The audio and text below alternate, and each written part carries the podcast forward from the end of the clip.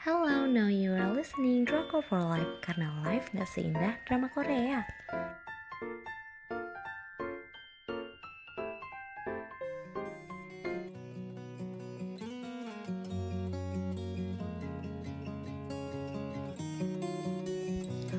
Review drama Korea Find Me in Your Memory. Hmm, ini adalah menemukan ingatan mantan pada wanita lain. Kok bisa ya? Dengan stasiun penyiaran MBC tanggal penayangan 18 Maret sampai 13 Mei 2020. Jumlah episodenya ada 16 episode dengan rating 4 dari 5. Selanjutnya aku bakal bacain sinopsisnya. Uh, tema ceritanya emang tentang kehidupan pers ya. Main leadnya uh, adalah seorang news anchor. Terus yang ceweknya itu dia adalah artis. Awal ketemunya dari mereka talk show di salah satu segmen. Terus si anchor name dibuat speechless sama kata-kata si artis si Yo Ha Jin yang menyebabkan kecelakaan penyiaran. Jadi kata-kata Yo Ha Jin ini menyebabkan kecelakaan penyiaran. Hmm, jadi waktu itu si anchor Nim sampai diem lama padahal lagi siaran langsung. Itu tuh ketika ada diem lama ketika siaran langsung tuh disebut kecelakaan penyiaran. Bikin kacau dia yang dipikirkan si anchor name itu uh, kok bisa sih kata-katanya mirip sama kata-kata mantan mantan pacarnya gitu. Nah, padahal mantan pacarnya ini sudah meninggal. Uh, mantan pacarnya yang sudah meninggal itu dibunuh oleh orang jahat yang punya gangguan psikologis. Nah, jadi si name ini punya penyakit yang bikin dia nggak bisa lupa sama kejadian masa lalu. Apa pun ingat dari hal bahagia sampai menyakitkan. Bahkan kematian mantannya yang di depan matanya ini masih nempel banget di memorinya seakan baru kemarin terjadi. Sedih banget emang. Singkat cerita, mereka terjebak di situasi yang mengharuskan mereka pura-pura pacaran di media. Nah, hubungan tragis ini dimulai di sini. Mereka yang awalnya nggak tahu kalau mantan anchor name itu dulunya adalah sahabatnya Hajin. Terus selanjutnya di awal cerita ini kita bakal disuguhkan karakter tokoh utama yang beda banget.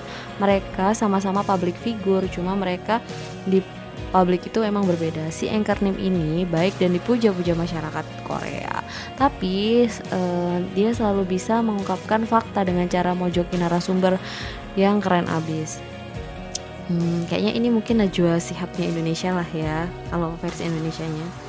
Padahal uh, aslinya nih dia jutek banget dingin ngeselin gitu. Nggak semenarik dan sebaik hati terlihat di kaca. Nah kebalikannya si Hajin ini dia artis yang attitude-nya emang baik banget sama semua orang. Cuma masalah dia adalah sering dapat peran antagonis. Jadi dia dibenci sama seluruh warga Korea.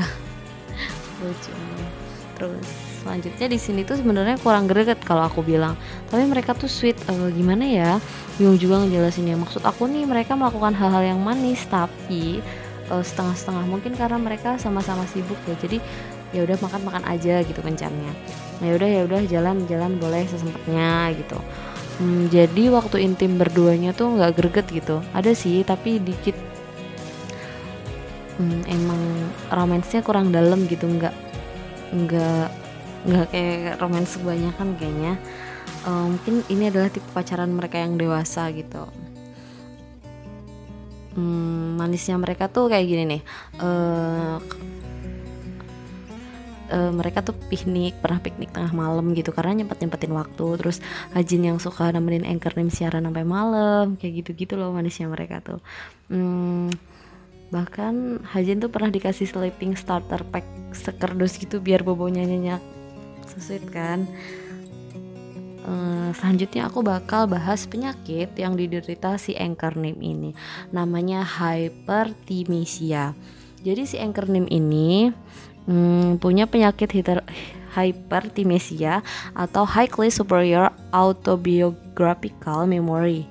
Hmm, ini penyakit langka ya aku lansir dari The Guardian di dunia ini cuma ada 61 penderita penyakit ini memang penyakit tapi sebagian orang bilang ini anugerah Kenapa?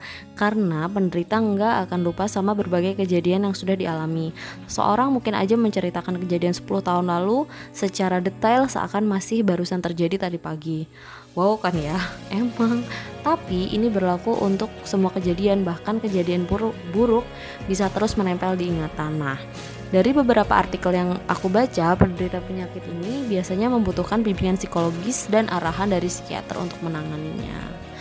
Hmm, terus selanjutnya aku bakal bahas ingatan fotografis. Nah, hipertimesia ini sering kali dikaitkan dengan ingatan fotografis. Bahkan di drama ini juga disebutin hipertimesia memang beneran ada, tapi kalau istilah ingatan fotografis ini fiksi ya.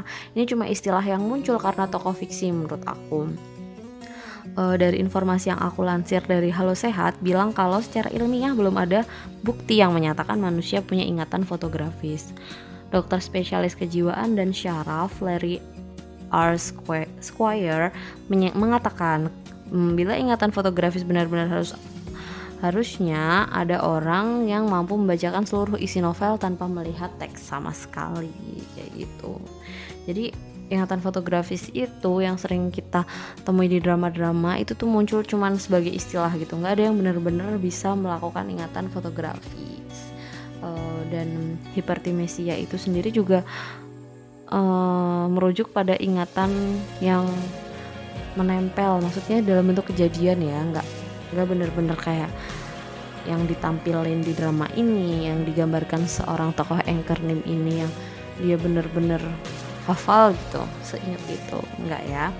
Ini semua hanya fiksi ya uh, terus aku suka banget sama original soundtrack yang ada di drama ini termasuk sama lagu Two People yang kalau mau dinyanyiin siapa pun pokoknya suka banget. Ini salah satu lagu yang sering aku dengerin di drama.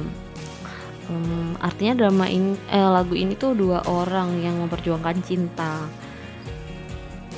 Terus jadi emang sering sih di beberapa drama yang udah aku denger uh, pernah dinyanyiin tokoh utamanya kayak di About Time terus uh, What's Wrong with Carter Kim terus pernah jadi original soundtrack juga di The Hairs kalau nggak salah. Jadi suka deh sama lagu ini karena sering selanjutnya aku bakal bahas penokohan. Yang pertama adalah Yo Hajin uh, karakter ini tuh sebenarnya lovable banget. Dia ini artis yang asli baik nggak menye-menye nggak drama atau picky harus ini harus itu dia bahkan tipe yang suka ngecit makan coklat, cake, keripik kentang. Nah, si manajernya yang sekaligus adiknya ini malah suka bawel, uh, ngumpet-ngumpetin dan ngelarang makan ini itu. Dia emang baik banget, nggak pencitraan doang sebagai artis yang baik.